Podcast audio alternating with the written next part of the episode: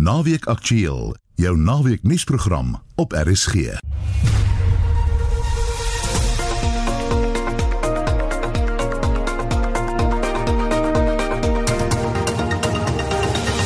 Goeiemôre. Lede van die parlementse komitee oor die polisie is bekommerd oor die vlaagmoorde in die land. How are we going to reduce violent crime by 50% over the next 9 years if the murder rate keeps on going up? Ons kry nog reaksie op die jongste misdaadstatistiek. As ons dit egter vergelyk met die laaste 10 jaar, dan sien ons daar was 'n toename van 34,1% in moord in Suid-Afrika. Die wynbedryf sê tot 18000 mense kan hulle werk verloor as die verbod op die verkoop van alkohol nie opgehef word nie. En ons vier nog steeds wêreld veldwagterdag. Dis 'n werk wat gewoonlik agter die skerms gebeur, weg van die wêreld se oë, maar vandag kry ons insig oor wat dit behels. Baie welkom by Naweek Aktueel. Redakteur vandag Justin Kennedy, produksieregisseur Lewona Bekes en ek is Marieta Kreer. Van myself kan ek eerlik sê, my enigste stryd my lewe lank was die vraag: wat is waar? Wat kan ek weet? Wat kan ek glo? Waaraan kan ek vashou?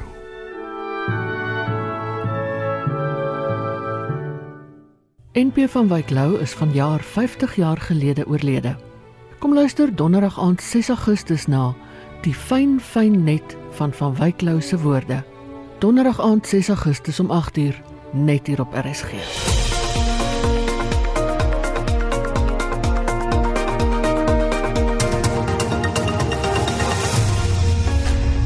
Lede van die parlementse komitee oor die polisie het hulle kommer uitgespreek oor die polisie se onvermoë om die vlaagmoorde te staai.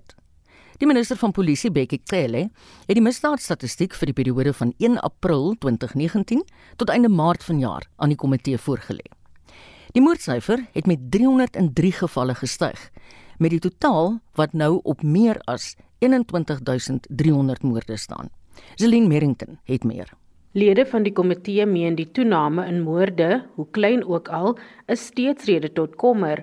Die voorsitter van die komitee, Tina Jumat Patterson, sê dit blyk onmoontlik te wees om die moordkoers te halveer in die volgende 10 jaar. Violent crimes like murder and sexual offences increased over a 3-year period.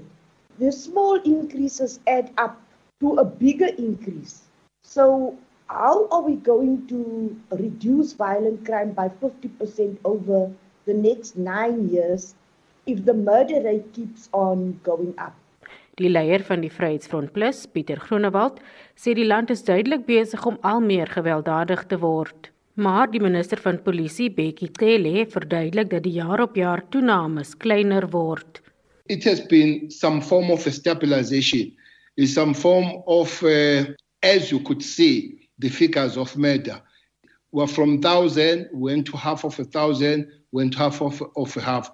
If you look at Nyanga, Chairperson, Nyanga police station has never been green. Yes, has moved from number one, is number four, is green. So, which means there are stabilization even on those stations that are up there. Met seksuele misdade wat 'n toename van meer as 800 sake in die tydperk getoon het, het LP so Sheikh Imam van die NFP, Jackie Mofokeng van die ANC en Zandile Majosi van die IFP hul kommer uitgespreek.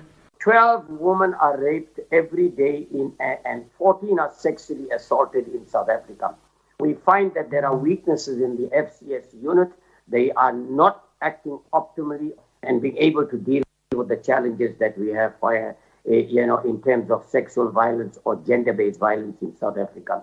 Issues of rape, for me, there's an increase, and one will want to say, what is this? What are we doing? Can we get a register in the police stations where the protection order, if it's registered, then we know that how many have been registered so that you are able to track also on those protection orders how many of those people who were reported have committed that crime that was reported at that time. Dit was 'n lid van die IFP Zandile Majosi, Zelin Merrington, Parlement. En ons praat nou met 'n onafhanklike misdaadontleder en voormalige hoof van die SAPD se misdaadontledingssentrum, Dr. Chris de Kok. Goeiemôre Chris. Goeiemôre. Jou eerste indrukke van die jongste misdaadsyfers? O nee, dit lyk baie sleg. Ehm um, ek het aanvanklik toe ek begin kyk daarna gisteroggend toe 10:00 uh, vrygestel is, het ek hier en daar hoop gehad, maar hoe meer mense daarna kyk en hoe meer jy dit oor 'n langer termyn vergelyk, lyk dit eintlik pateties. Ek het uh, regtig gehoop uh, toe die minister aangestel is 2 en 'n half jaar gelede dat dinge regtig 'n ander wending gaan neem. Uh ek het selfs artikels daaroor geskryf, maar uh lyk my ek was verkeerd. Kom ons vat net kom ons vat net moord. Moord is een van die mees stabiele tendense. Dis 'n tendens waar haar soos die minister gister self gesê het, baie ongevoelig. Uh dit is 'n body count. Dit is jy tel jy tel mense wat vermoor is. So daar jy kan eintlik nie wegsteek daarso of aftrek of wat ook al nie. As jy vat die moord het oor die afgelope 10 jaar 37,1% gestyg. Ehm um, hy hy het nou hy het nou gesê ja, maar die stygings hierdie keer was maar net 303. Maar uh, dit is wel waar in die vorige 2 jare was die was die daling uh, was die uh, ag sorry was die stygings 1320 en 686. Maar dit het nog nie gestabiliseer nie. Want net in die jaar voor dit het ons ook 'n 300 uh, toename gehad. Hmm. Hy hy styg elke jaar vir die afgelope 10 jaar. As ons carjackings wat wat net so stabiele uh, of 'n betroubare tendens is want gewoonlik uh, motors wat gehijack word uh, of gecarjack word is is motors wat van die duurder klasse en uh, daardie goed is verseker gewoonlik. En uh, so jy het 'n baie goeie aanduiding. Carjackings het oor die afgelope 10 jaar letterlik verdubbel. Ja. Dit letterlik verdubbel en as ons kyk die die jongste stygings wat die hoogste stygings van al die stygings is, dan praat ons van 'n 13,3% stygings. Nou as jy motor diefstal ag een 'n carjacking, motorkapings vat. Dit is 'n georganiseerde misdaad.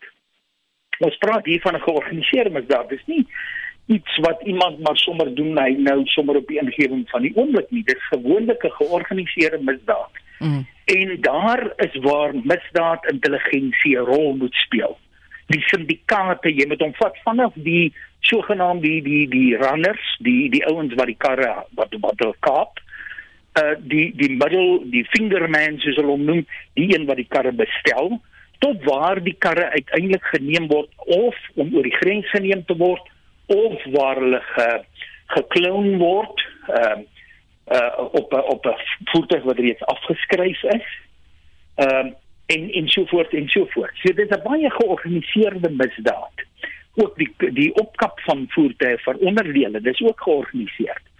En dit is waar jy uh waar jou syndikaate moet identifiseer en hulle moet infiltreer en hulle moet arresteer. Nou ehm um, dit blykbaar gebeur dood eenvoudig nie. So daar's bitter min goeie nuus. Die goeie nuus wat hulle nou so na verwys is byvoorbeeld inbrake. Maar nou moet 'n mens net onthou inbrake is 'n baie onbetroubare syfer. Want ehm um, want inbrake word nie altyd gerapporteer nie. Dit hang hmm. af van hoe hoe ernstig die inbraak is of die mense verseker is. Jy moet onthou baie van die inbrake is in arm gedeeltes waar die mense nie versekerings het nie. So hulle gaan dit nie eens meer rapporteer nie. Mm, mm. En uh, so dis nie 'n baie goeie syfer ja. dan. Uh, ek weet of ek te veel praat. Nee, nee, As jy nee. nou kom by by verkrachting. Weereens, hy neem uh, stadig maar seker toe. Maar en ek praat nou nie van seksuele misdryf, ek praat net van verkrachting. Die die grootste gros wat by die grootste gros van seksuele misdrywe vorm. Hy neem toe.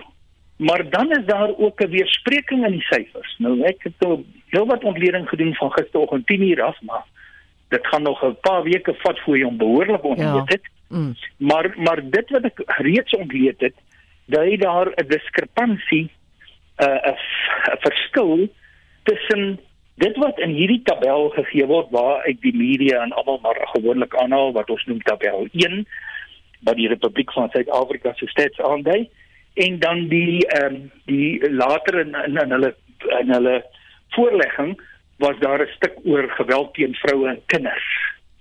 Nou daardie geweld teen vroue en kinders toon 'n ander prentjie as hierdie ene. Die geweld teen vroue en kinders toon baie hoër syfers. Mm.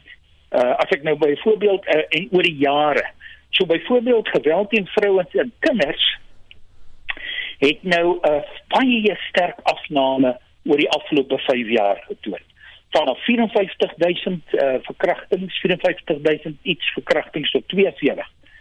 Maar die syfers in die tabel toon is 'n baie klein toename. Mm. Nou, nou die mm. vraag is, hoekom het ons 'n verskil van in die vorige jaar byvoorbeeld wat dit die die die in die in die in die groot tabel, wil ek sê in die in die misdaad statistiek, was dit 41000 maar in die geweld teen vrouens en kinders was dit 49000. Ja, ek hoor wat jy sê. Ek wil net vir jou op daai punt ietsie vra Chris. Cele het nou gesê die syfers van misdaad juis teen vroue en kinders kan nie bevestig word nie weens die COVID-19 pandemie. Glo omdat die beamptes die talle polisiestasies in persoon moet besoek om die leiers na te gaan. Is dit hoe die proses werk? Nee, dit dit dit dit werk nie so nie. Ek meen ek was daar, dit werk nie so nie. Ehm um, jou geweld teen vroue en kinders word doeteenvoudig wat jy doen is die die rekenaar word 'n program gegee en dan word gesê gaan nou deur al die mm, dossiere. Mm, mm. Werk deur al die dossiere en dan nou waar jy nou 'n uh, 'n verkrachting kry, dan kyk jy is die is die slagoffer uh 18 jaar en ouer en of is die slagoffer minder as 18 jaar dan dan is dit nou geweld of uh, uh, verkrachting van kinders. Ja. So werk jy op die moord dossiere en jy onderskei ook watter moorde was teen vrouens gemik en teen kinders. En Goed. so werk jy jou aan nou geweld teen vrouens en kinders is ons beste aanduiding van die sogenaamde GBV. Ja. Die gender based violence. Ja. En maar hy sê selfs hy is nie 'n baie goeie aanduider nie want onthou vrouens kan ook ehm um, uh uh uh, uh vermoor word tydens 'n rooftog.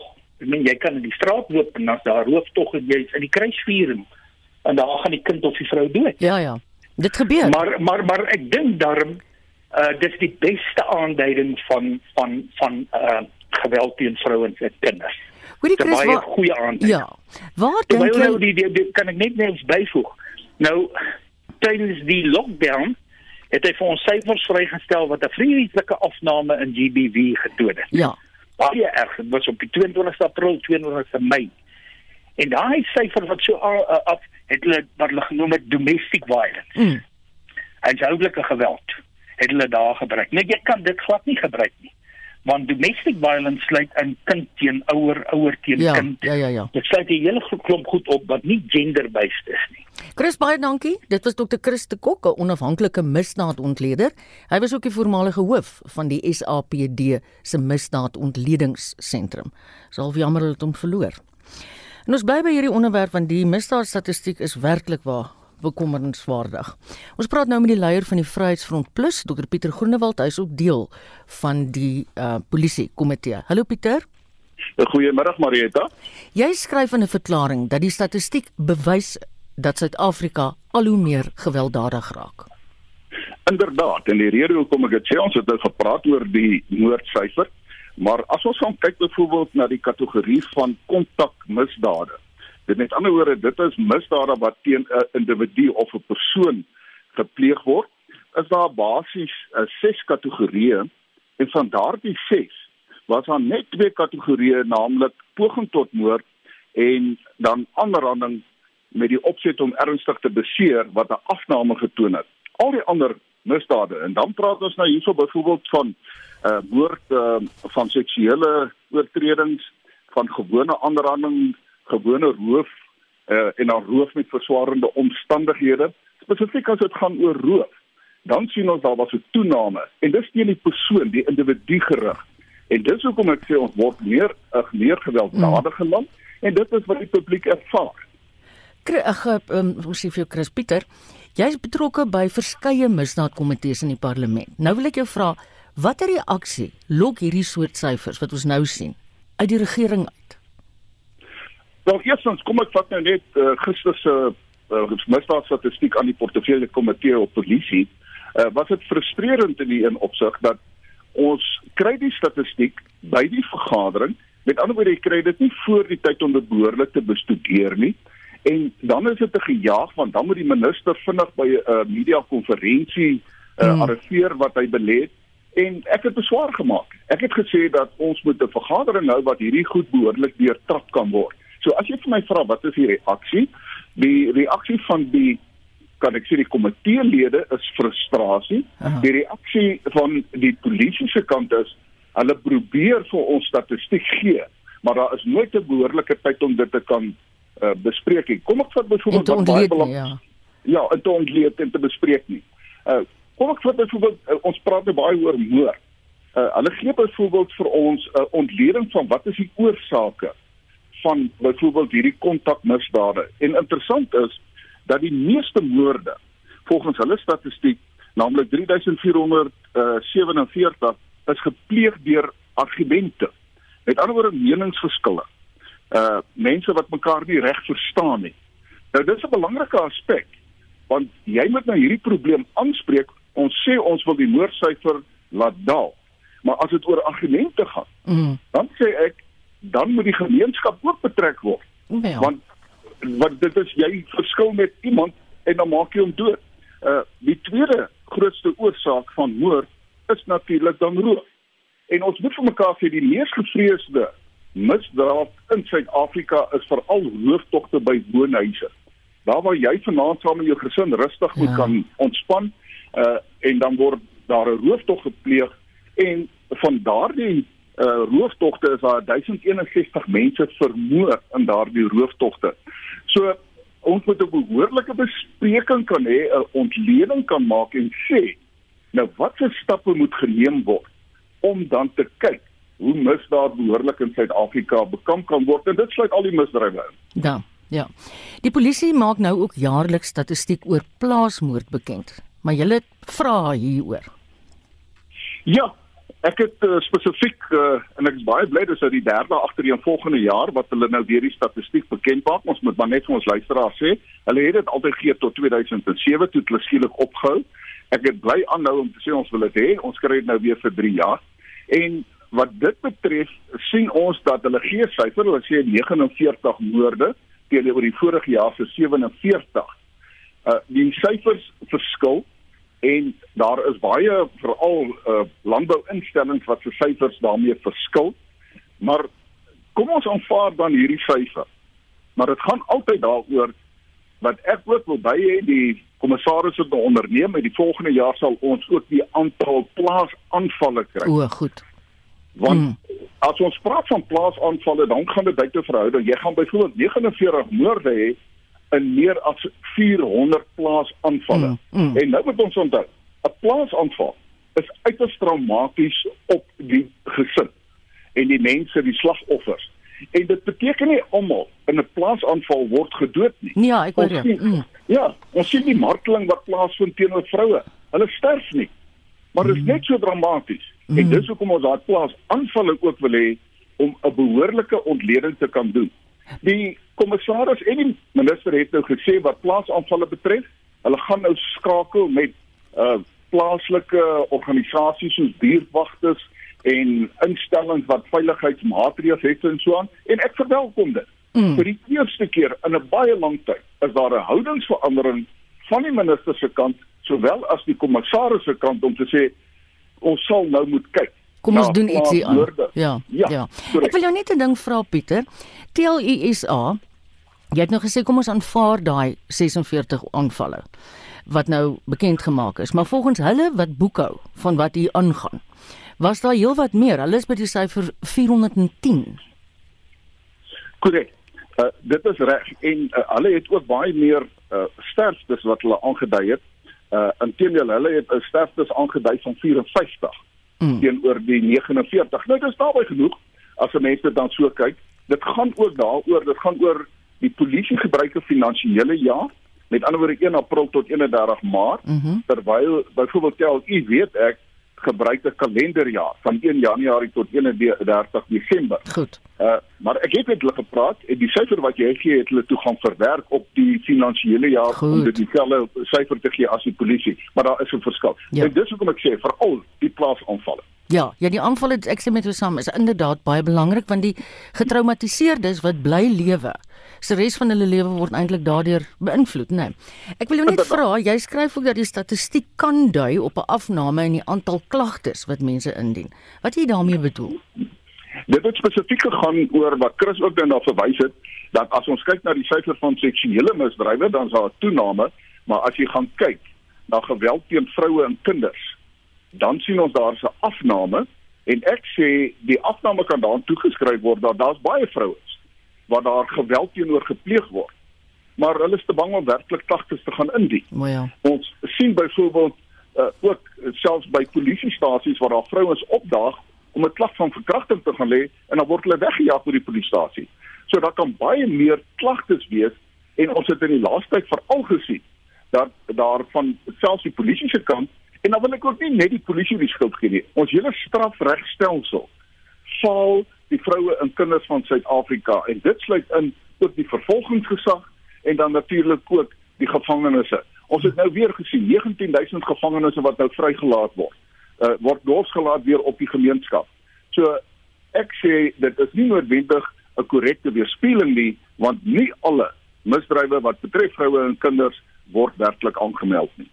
Baie dankie. Dit was Dr Pieter Groenewald, die leier van die Vryheidsfront Plus. Ons het vandag met hom gepraat met sy hoed op, vas die uh, polisiekomitee waarop hy ook sit. Nou op 30 Julie 2014 is Christine Robinson verkrag en vermoor op 'n plaas in Northam, Limpopo. Haar beweerde aanvaller, Andrew Ndlovu, het na Zimbabwe gevlug, maar verskeie kere daarna teruggekeer na Suid-Afrika. Hy is nou donderdag, presies 6 jaar later, in Johannesburg vasgetrek. Ons gesels nou met die onafhanklike misdaadkenner Ian Cameron. Hallo Ian. Goeiemôre. Ek het nou kortliks die agtergrond gegee, wil jy net so klein bietjie inkleur? Ja, so 2014 30 Julie presies as jy verduidelik het, het, het Andrew en Glovo uh vir Christine Robinson, sy was toe 59 gewees, het hy haar verkrag en vermoor. Um en uh dit was regtig 'n baie grie toneel. Langs storie kort, ons het 'n 'n verhouding gebou oor die tyd met met die familie en, en in daai tyd het die het die polisie alles in hulle vermoë gedoen om so vinnig as moontlik om op te spoor want hy was die enigste een wat vermis was. Um nadat die ondersoek nou nie so goed gegaan het nie, het hulle agtergekom maar hy het gevlug terug in Zimbabwe in en uh die familie en spesifiek die niggie van Christine Robinson uh genaamd Leanne Surgeson wat in Engeland bly het konstant probeer om druk toe te pas op die Suid-Afrikaanse regering, die Britse regering, selfs die Zimbabwe se regering om te kyk hoe hulle hom kan terugkry. Dit het nie gewerk nie, dit het misluk en 'n paar maande gelede was daar 'n uh, arrestasie uh, of hulle het probeer om hom te arresteer uh, na 'n lang ondersoek en dit het ook nie gewerk nie vir een of ander rede het hy koue voete gekry. Ons het toe 2 dae gelede op die 30ste uh, het ek weer met Liam gepraat. Ons gesels elke jaar rondom die 30ste Julie net om op te vang na die vreeslike moord op haar tannie. En sy het vir my gesê sy het of my nog foto's en alles stuur. Sy het dit gedoen en ek het dit toe op Facebook geplaas. Iemand het my toe gekontak en gesê maar ek herken hierdie man, hy werk vir my pa. Nee. Met die man net so en uh, en toe uh, bevestig ons maar dit is presies hy in terme van die foto's minstens. Hulle is toe Brixton polisiestasie toe in Johannesburg. Brixton sê dit vir hom nee, hulle kan nie die saaknommer opspoor nie, hy moet maar die volgende dag terugkom. Hulle maak dit met ons in in in daai tyd kontak en uh, en ek skakel toe met oud-kolonel Sakkie Lourens wat die ondersoekbeampte was destyds op die saak in 2014. Hy sê toe maar laat hy net opvolg van Limpopo se kant af met die polisie en en ek kry toe 'n span van die polisie bymekaar van Pretoria af en ons het toe die aand die arrestasie uitgevoer en dit was toe Andrew gewees. Hy is toe intussen vervoer terug KwaZulu toe. En die naam wat hy gebruik het sedert hy terug in Suid-Afrika was was Andrea Sudra of Dusra en daar's omtrent vyf verskillende name wat nou waar met die spelling gespeel het hoe dit gebruik het. Die punt is dit is Andrew Ndlovu en uh, en hy's uiteindelik agter tralies. Mens sal nogals dink na 6 jaar gaan die polisie nie eintlik meer op die uitkyk wees nie, maar dit klink vir my die niggie in Engeland en jou betrokkeheid en die feit dat jy dit op sosiale media gedeel het, was uiteindelik die deurslaggewende faktor. Ek dink dit was 'n mate van 'n gelukskoot en ons is baie dankbaar daarvoor. Ehm um, dis vir my sleg om te sê, maar maar die polisie het regtig verder nie veel gedoen nie nadat mm. kolonel Lawrence uit die polisie uit is in 2014-15 begin het met HPG het die polisie nie weer veel gedoen um buite Limpopo nie. Um die Limpopo polisie het aangehou hulle het verlede jaar weer goed uitgereik wat gesê het hierdie is die die name waaronder hierdie persoon rondbeweeg. Interessante ding maar het nou die aand toe ons hom arresteer, ek was by gewees hy was totaal rustig geweest. Dit is asof hy deur 'n mens gekyk het. Hy het gesê iemand is besig om hom te frame soos hy dit nou gestel het. Mm. En uh, en die werkgewer ook waar hy gebly het, het net vir ons gesê maar hoe op aarde is dit moontlik? Hierdie is een van my beste werkers. Yeah. Hy het vir die afgelope 4 jaar baie goeie werk vir my gedoen. Langs deur ja. die kort, dit is hy. Hoorie Jan, is die bewyse nog sterk genoeg om hom agter tralies te laat sit? Definitief. So die polisie het 'n fenominale ondersoek destyds gedoen behalwe vir die feit dat hy nou nie gearresteer is nie uh op die toneel en daar's verskeie punte op die toneel waarmee hulle hom kan kan verbind na die toneel. Dus so daai proses het nou begin. Ek vermoed daar's hierdie naweek al reeds gedeeltes daarvan wat afgehandel word. Natuurlik was al vingerafdrukke DNA hmm. en so voort wat alles baie baie goed versamel is um en en baie professioneel hanteer ja, is. Ek het geen twyfel dat dit goed kan gaan. Heeltemal 'n onverwante saak. Ek wil jou iets anderster vra. Daar's op die oomblik baie skrywers op sosiale media oor die hartswater aanval. En veral detail wat gedeel word op watter gruisame manier Breggie Dani en Elsabie Brand vermoor is. Net volgens die SAPD is dit vals inligting. Kan jy dit bevestig?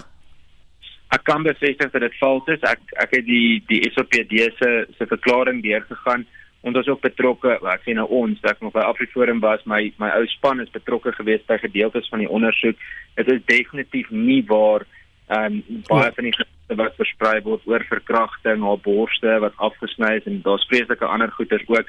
Die punt is net dit is nie waar nie goed. en ons vra asseblief vir mense om nie ongeverifieerde goed aan te stuur nie. Een baie dankie dis die eerste keer dat ek met jou in hierdie hoedanigheid gesels as 'n onafhanklike prater. Ek is misdadiger. dis was een Cameron, 'n onafhanklike misdaadkenner, soos hy sê, misdadiger. Die DA sê hy gaan weer die president vra om die bestaan van plaasaanvalle en plaasmoorde te erken in die openbaar. Dit na verskeie groeiaanvalle die afgelope ruk in die land. Die DA se skademinister van landbou, Anet Stein, het reeds in 2018 president Cyril Ramaphosa gevra hoekom hy die bestaan van die tendens in 'n onderhoud in September daai jaar, ons kan dit almal onthou, ontken het. En ons praat nou met die DA se skademinister van landbou, Anet Stein. Hallo Anet. Goeiemôre en goeiemôre vir die luisteraars. Herinner ons net weer wat jy hom gevra het Dessus en wat hy jou geantwoord het. Ja, die vraag het spesifiek gegaan, ek dink dit daai selfde dag tydperk wat die president ontken het dat die plaasmoorde in Suid-Afrika plaasvind.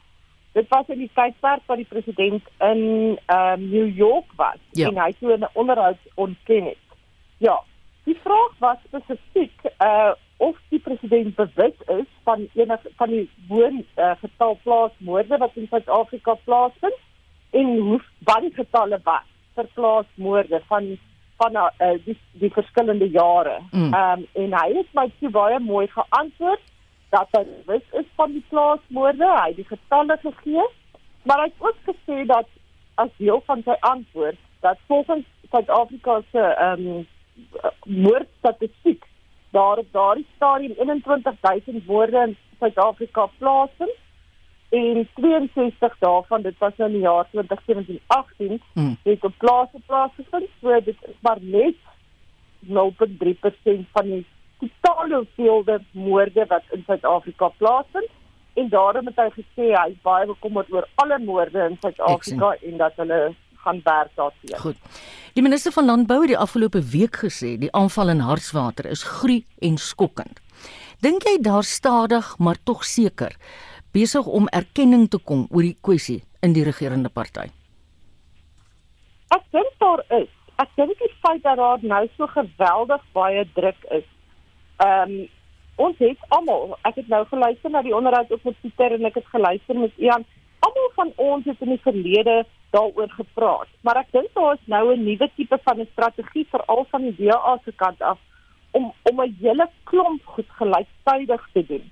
So die eh, die minister en ons doel op die ouende is om aan die president te vra erken plaasmoorde.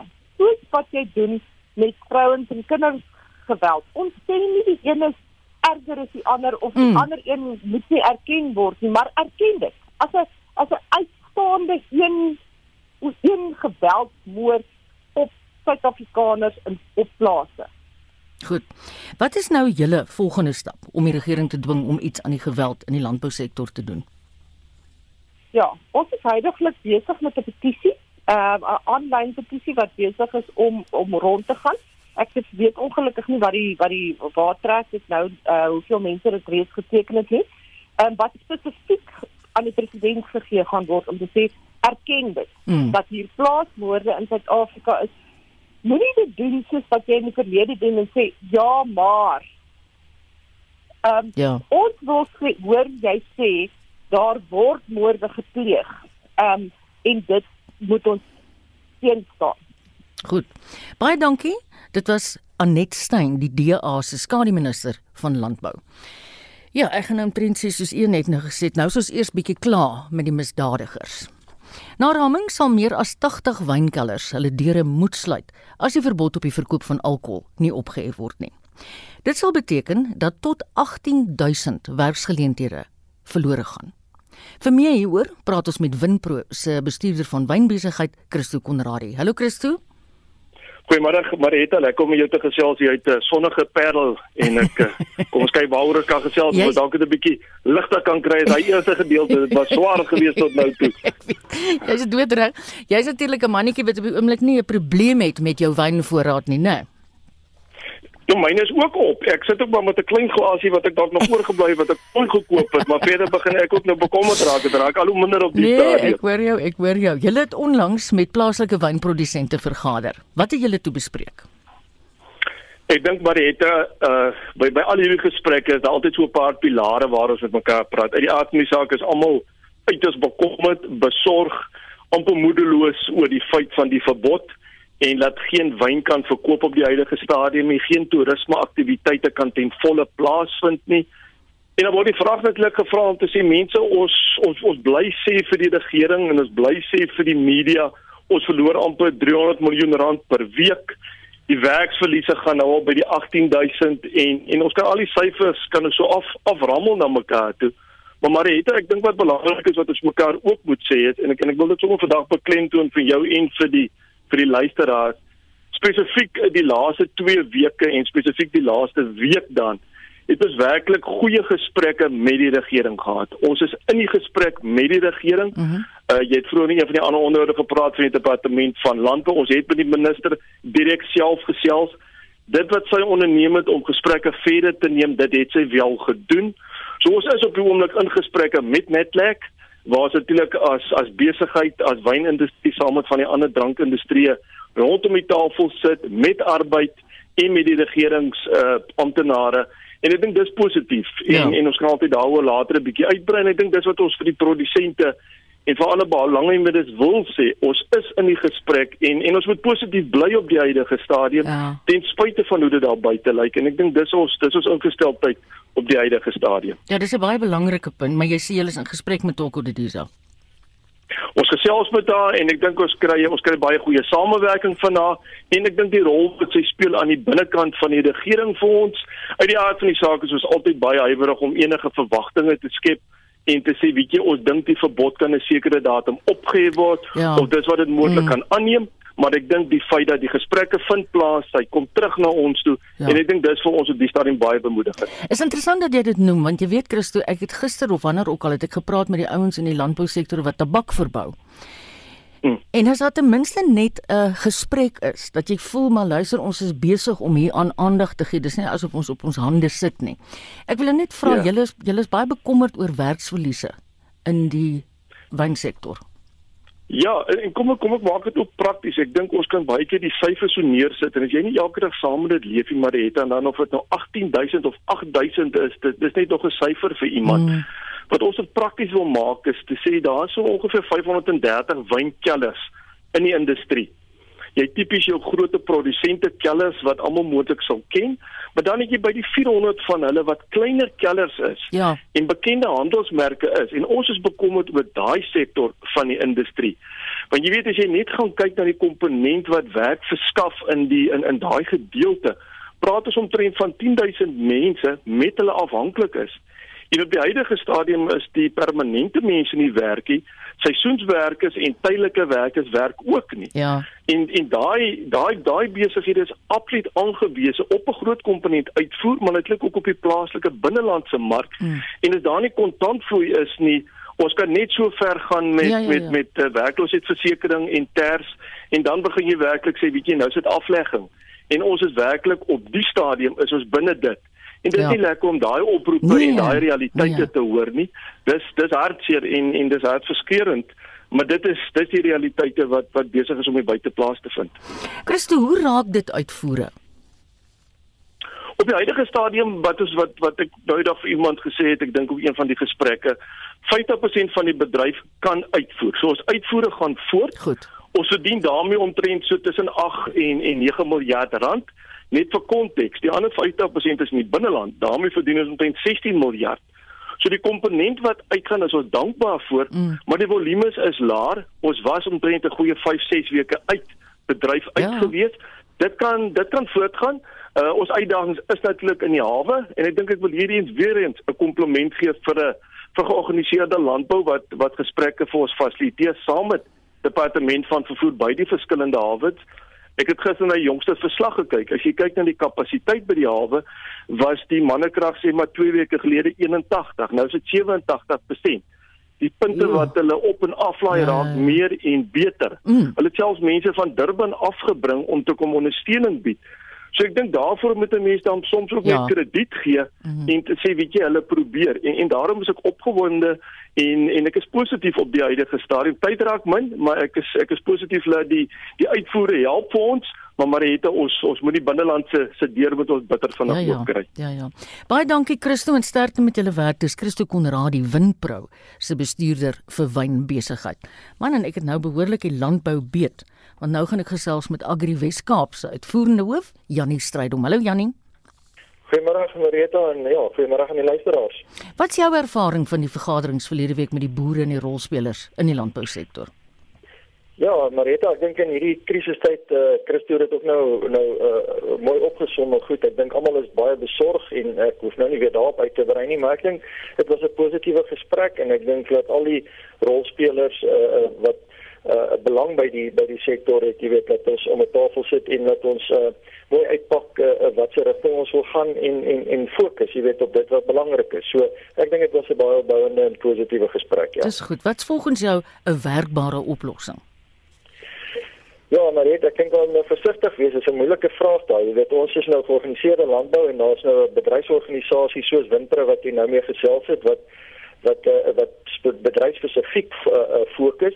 En uh, ek dink van ons kant af is dit belangrik en Christus verwys na georganiseerde landbou ook. Ek dink uh, ons rol daar en jy weet die die rol om die uh, gesprek met die minister aan die gang te kry via ons ons nasionale liggaam Agri SA, jy weet en die gesprekke met albe. So ek dink wat nou moet gebeur, ons moet moet bly daai gesprekke uh, aan die gang hou, uh, bly fokus daarop. Uh, ek dink dit is krities dat ons die die feite op die tafel sit natuurlik wat Christina verwys het op die moontlike werksverliese, die impak, jy weet dit is dis enorm en dit is 'n groot sektor hier by ons in die Weskaap en daarom ook vir ons hmm. krities om deel te neem aan hierdie prosesse. Watter ander landbousektore trek swaar weens die inperking in die gepaardgaande regulasies? Ja, maar dit uh, ek dink kyk in die begin met die uh, aanvanklike aankondiging van die uh, uh, van die inperkings uh, was was baie uh, van die bedrywe wel oop geweest. Baie op stadium was nie waarvan die wynbedryf ook al een was wat nie uh, kon nie.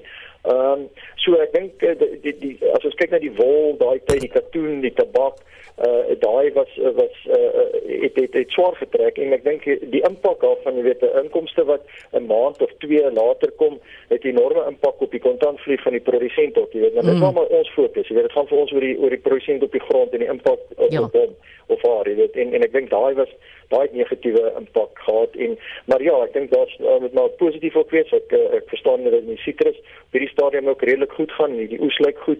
So en die uitvoere en en en die hawe wat dan uh, se produksie nou ook optel se produktiwiteit en goed. So ja daar's so positief op te wees maar die landbou het verseker 'n enorme terugslag gehad met met hierdie inperkings.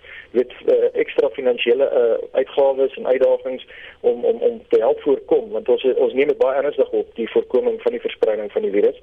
En ja dit het ongelukkig 'n negatiewe finansiële impak ook op op eenhede boerdery eenhede maar ja ons vat daai verantwoordelikheid en maar ja dit uh, ongelukkig finansiëel definitief uh, die sektor uh, teruggesit. Is daar enigsins stories van hoop te midde van al hierdie probleme? Ons moet verseker hoop en Marita en ek is ek's altyd positief en ek sal altyd positief bly oor die landbou ook jy weet. Ons het gesien nou uh, in hierdie uh, inperkings uh, voedselvoorsiening en voedselsekerheid voedsel op winkelrakke is krities. Ja. en uh, en ek hou my hoed af vir elke produsent. Ek het dit al gesê ek dink op julle programme ook. Jy weet dit is vir my uh, ongelooflike sektor om betrokke te wees in 'n voorreg want te midde van die risiko's het het die, die, die produsent die werkers op die plase jy weet hulle het vasgebyt en en hulle bly produseer so dat mm, daar kos mm. vir ons almal op die winkelrakke is jy weet so ons is in 'n sektor waar die vraag na voedsel styg en en ons moet dit bly produseer ons gaan dalk ander metodes moet sê moet ja, vind en, ja. en ander maniere maar ek is baie positief ek dink dit is 'n is 'n uitdagende maar baie bevredigende sektor om in deel te wees Ja, nou was dit nou net gehoor Christo sê hy praat met my uit Parel uit. Waar is jy op die oomblik? Maar ek wil nou begin het te gesê dat weet jy wat se soms kan hy praat nie want dit reën nie by my in die Parel maar nee dit is ek is ook in die Parel en dit is 'n heerlike sonskyn wintersdag in die Parel. Ja. Dis goed. Baie dankie. Dis Janie Strydom, die uitvoerende hoof van Agri Weskaap. Nou heeltemal iets anders. NASA se nuwe Mars rover met die naam van hoor Perseverance is donderdag gelanseer vir 'n nuwe sending na die rooi planeet. Maar dit het ongelukkig kort na opstyging 'n tegniese probleem opgedoen wat die tuig in 'n sogenaamde soos die Engelse sê safe mode, veilige mode gesit het. Die probleem is nou opgelos en die sending gaan voort. 'n Senior navorsingsgenoot aan die Suid-Afrikaanse Ruimteagentskap, Dr Pieter Kotse, skakel nou by ons aan met meer inligting hieroor. Hallo Pieter. Hallo, goeiemôre uit Marieta. Ek weet Amanda stryd om met 'n liedjie waar hulle se afry Oos-Kaapse kant toe en daar is 'n dorpie Perseverance. Maar wat behels hierdie Perseverance sending? Ja, hierdie Perseverance is 'n bietjie meer om die lyf as net 'n dorpie hier in die Oos-Kaap of waar ook al, maar dit is nou een van die of uitvloeisel van verskeie navorsings wat al gedoen is op Mars wat bewys het dat daar ongetwyfeld voorheen toestande geheers het op Mars wat bevorderlik was vir die ontstaan en ontwikkeling van lewe. Nou lewe moet 'n mens nou hier kwalifiseer. Dit is eintlik maar mikrobiese lewe. So wat eintlik wat Perseverance nou gaan doen is om werklik te gaan toets en te soek of daar werklik primitiewe lewe nog bestaan in die rotse en ook in die grondmonsters hmm. van uh, uh van Mars self en daarvoor is dan 'n spesifieke terrein daarvoor ah. geselekteer. Ah. Hulle toets blykbaar ook 'n hommeltuig op Mars. Waarvoor word dit gebruik? Dit is 'n klein helikoptertjie wat gemonteer is aan die onder uh, uh gedeelte of die onder uh, stel van uh, die uh, Perseverance. Dis uh, op wie ongeveer 1.8 kg en is eintlik maar bedoel om 'n tegnologie demonstrator te wees. Dit gaan nie werklik ernstige navorsing doen of nie. Dit is eintlik 'n autonome helikoptertjie wat ongeveer uh, 90 sekondes in die lug kan bly op 'n slag. 300 meter ver kan vlieg op 'n hoogte van so 3 meter want die doel wat hiervan is om dit aan te toon dat die helikoptertjie wel lewensvatbaar is en dat dit op volgende sendinge gebruik kan word om soort van verkenningswerk te doen vir toekomstige robotvoertuie om dan autonoom rond te beweeg op uh, Mars self. So uh, dit is 'n uh, uh, dit is eintlik 'n tegnologiese wonderwerk eintlik om hierdie ja. helikoptertjie te laat vlieg. Want as 'n mens in ag neem die uh, atmosferiese digtheid op Mars is minder as 1% van dit wat ons op aarde het maar ek oor, ek is oortuig dat van die helikoptertjie is redelik goed getoets voor die tyd. So die Sluit so dink ja. ja sy het kop eers in die grond vlieg nie so. Willie um, ek moet jou vra Pieter hoe vlieg die masjien in hierdie atmosfeer van die rooi planeet wat jy nou beskryf het? Hoe ek vlieg sal eintlik maar uh, werk met batterye. So dit word dit uh, klein okay. sonstelletjies op op die bad op die uh, helikopter self wat hom dan gaan laai en dan gaan hy net vir soos ek sê net like 90 sekondes uh, uh. op 'n slag rondvlieg. So die helikopter gaan nie onmiddellik ontplooi word nadat uh, Perseverance nou op Mars aangekom het nie. Hulle gaan eers 'n bietjie rondry op die terrein, dit wil sê in hierdie krater, hierdie Jezero krater en dan 'n geskikte terrein uitsoek wat redelik gelyk is en waar daar nou nie uh, onverwagte klippe en rotse in die pad gaan wees nie en dan die uh, gaan die uh, uh, helikopter uh, afgekoppel word of gekoppel word aan die uh, voertuig. Die voertuig gaan wegbeweeg en die helikoptertjie gaan dan op sy eie pote staan op die grond. En van daar af gaan dan Dit is ongelooflik wat hulle reg kry. Hierdie Mars rover wat hulle nou opstuur, is glo een van die mees gevorderde nommers ooit. Wat maak hom so anders? Wel, die instrumente op uh, die Perseverance op hierdie uh, Mars voertuig is uh, uniek in die sin dat dit vir die eerste keer werklik kan gaan toets vir lewe op Mars. Dit is toegerus met 'n suite of 'n totaal van ongeveer 7 instrumente en daar is nie minder nie as 23 kameras wat op die uh, voertuig self is om natuurlik hierdie voertuig autonoom te kan bestuur. Want dit is eintlik die hele idee van nou vorentoe dat dit nie van uit die aarde af beheer word nie maar dat die voertuig self kan besluit waarheen hy gaan loop en wat hy gaan doen en ook om monsters te versamel en dan die monsters aan boord te ontleed wat dan vir ons kan 'n aanduiding gee of daar nog steeds mikrobes uh, teenwoordig is uh, in die grond sowel as in die rotse. Wat hierdie uh, uh, voertuig ook nog redelik uniek maak is dat hy vir die eerste keer in die geskiedenis van Mars is hy toegerus met mikrofone. So wat nou kan ah. gebeur is nou kan ons op aarde luister hoe waai die winde op uh, op Mars self wat Eeuw. gebeur terwyl die voertuig beweeg, maar ook baie belangrik tydens die uh, landing of tydens die be beweging of deur die atmosfeer om die oh. voertuig te land, sal ons dus hoor ook al die geluide wat plaasvind want dit is basies 7 minute van aposé hel wat die voertuig deurgaan om uiteindelik ja op die oppervlakte van ja. Mars neer te kan plons sonder om enige skade op te doen. Hi Pieter, dit is ongelooflik die werk wat julle ouens doen. Baie dankie. Dis ook Pieter Kotse, hy's 'n senior navorsingsgenoot van die Suid-Afrikaanse Ruimteagentskap. Nou van die lug na definitief terra firma. Gister was wêreld veldwagterdag. Die dag fokus op die harde en baie keer baie gevaarlike werk wat veldwagters doen, laat hulle letterlik hulle lewens op die spel plaas om die fauna en die flora te bewaar. Dis 'n werk wat gewoonlik agter die skerms gebeur, weg van ons almal se oë. En een so 'n persoon wat weet wat die stryd is wat veldwagters daagliks veg, is die programbestuurder vir aasvoëls in Afrika by die Trust vir Bedreigde Natuurlewe, Andrei Botha. Ons praat nou met Andrei. Goeiemôre Andrei. Hallo Marieta, dit is Frans. Jy is seker baie bly jy werk heeltemal op die grond en nie so in die lug daar by Mars nie, né?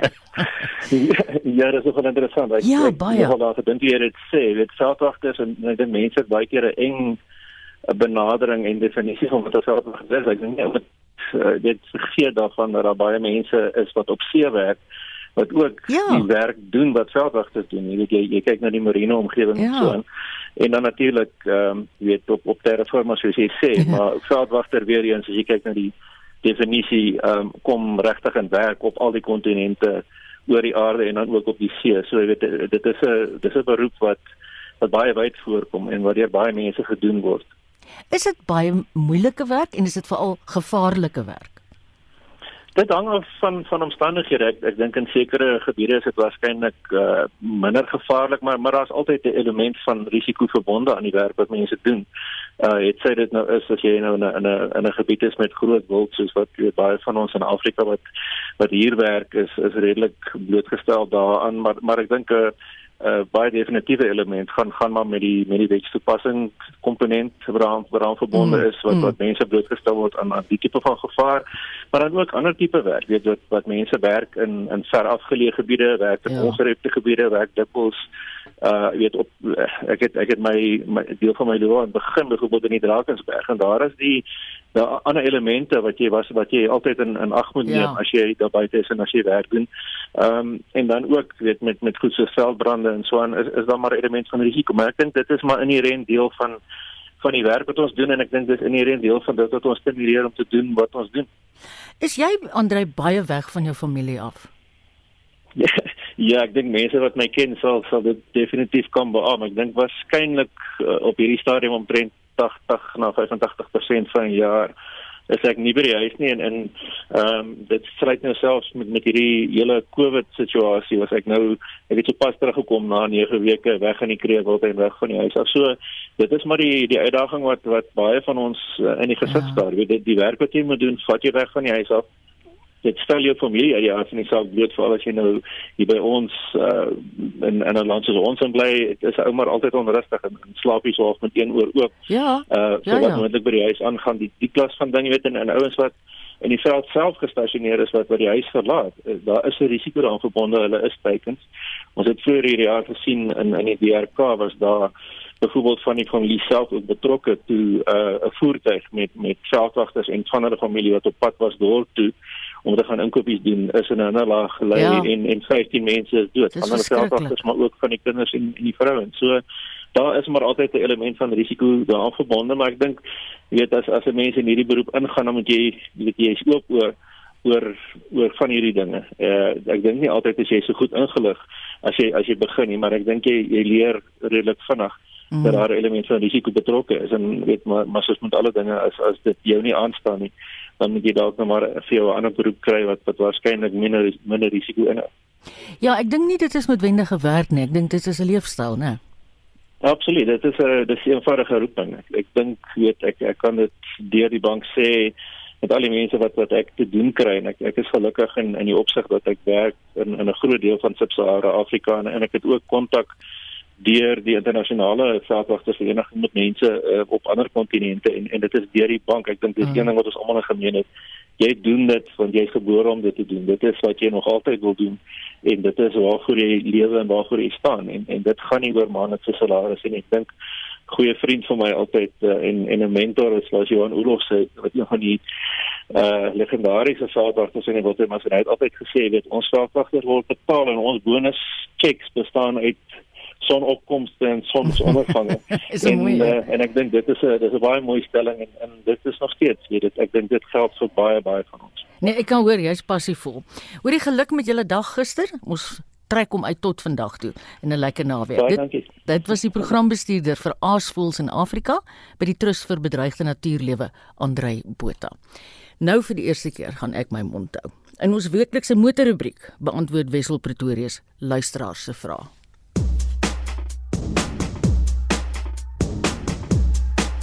Luisteraar Johan Visagie vra: Hoekom het Mercedes-Benz terugbeweeg na 'n reguit 6 engine terwyl die vervaardiger lank 'n V6 gebruik het?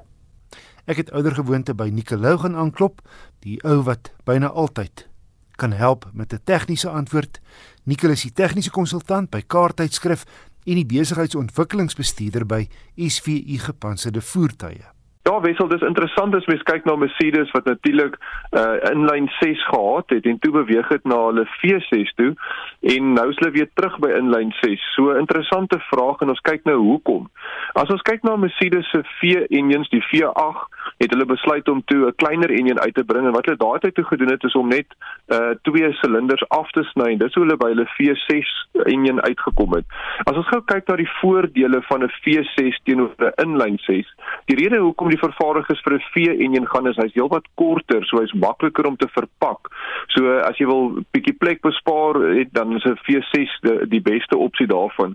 Die negatief van 'n V6 is dat hy nie so goed gebalanseerd is soos 'n inlyn V6 nie. Ehm um, en ook nie so goed gebalanseer selfs is soos 'n V8 nie. So inlyn 6 is altyd 'n gladder masjien. Wat interessant is tussen die twee V6 en inlyn 6, hulle klink ook met natuurlik heeltemal anderster want dis die slagorde van die silinders wat verskil en uh, ons kry natuurlik jou voorstanders wat hou van jou inlyn of hou van jou V6, maar die kraglewering tussen die twee engines is teoreties dieselfde kapasiteit is, dieselfde tegnologie behoort dieselfde te wees en is ook dieselfde hoeveelheid bewegende parte. So nou kan jy vra nou maar hoekom sou Mercedes dan nou teruggegaan het na die inlyn 6 toe? Die rede daarvoor is dit gaan oor modulariteit van 'n enjin. So deesdae wil 'n vervaardiger een enjin hê wat hy dan kan aanpas vir kleiner modelle en kleiner kraglewerings deur net van die silinders af te sny. In daai opsig maak dit baie dan sin om 'n inlyn 6-silinder te hê. En ons weet dan nou al dat die optimale kapasiteit van 'n enkel silinder is hier om en by die 500 cc. So as 'n mens kyk na inlyn 6-silinder dan kyk jy gewoonlik na 'n 3 liter masjien en as ons dan twee silinders afsny vir 'n inlyn 4 silinder dan is dit gewoonlik 'n 2 liter en dan kry ons natuurlik nou deesdae ook jou 3 silinder engines en hulle is gewoonlik hier rondom die 1.5 liter. So BMW het dit nou al gedoen en ek dink uh, Mercedes was miskien 'n bietjie jaloers dat hulle dit gedoen het en nou het hulle ook na die inlyn 6 uh, toegeskuif en dis natuurlik goed vir die toekoms om vorentoe te gaan en miskien is dit die laaste nuwe engine voordat alles elektries gaan raak. So uh, ons het dit gesien by BMW het dit nou gedoen en uh, Volvo het ook 'n drive-e reeks. Hulle het net 'n 4-silinder en 'n 3-silinder enjin, maar wat ook interessant is is dat selfs die petrol en diesel enjin blokke begin nou al dieselfde raak. So hoe meer jy gemeenskaplikheid tussen jou enjin reeks kan hê, hoe meer kan jy van die komponente oor en oor uh, gebruik en dit raak natuurlik baie meer koste-effektief om dan verskillende enjins uit te bring. Nicole, dan het Piet Kutse vraag oor sy nuwe Kia Sportage se outomatiese radkas. En hy skryf dis die eerste keer dat hy 'n outomaties koop en sy vraag is wanneer is dit raadsaam om die selfskuiffunksie te gebruik? Met ander woorde wanneer jy hom soos 'n handrad ry of moet mens die radkas maar net in drive los? Vra Piet. Goed, wissel so om 'n outomatiese radkas is natuurlik nou die gerief dat jy kan sit en bestuur en die radkas gaan al die dinkwerk doen vir watse rad jy moet hê vir watse scenario. So as jy wil versnel, dan gaan die radkas 'n lae rad kies en vir jou um, dan die kraglewering gee, maar as jy dan mooi ry, dan gaan hy probeer brandstof-ekonomiese revolusies laag hou en uh, die radkas doen dan al die dinkwerk.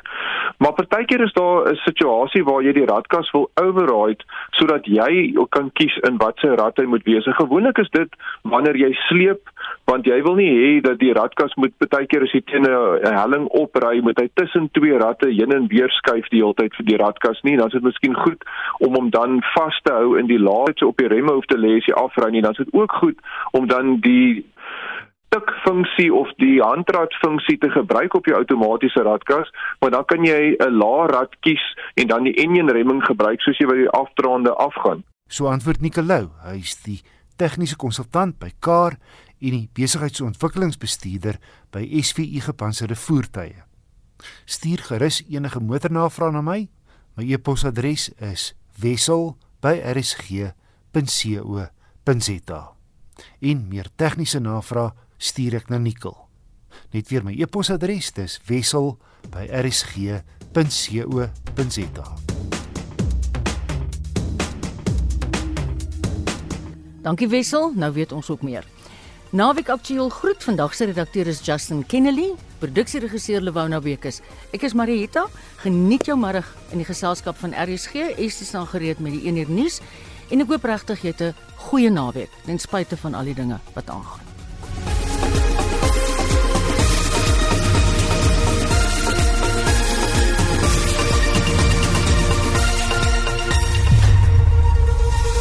SAK nuus. Onafhanklik, onpartydig.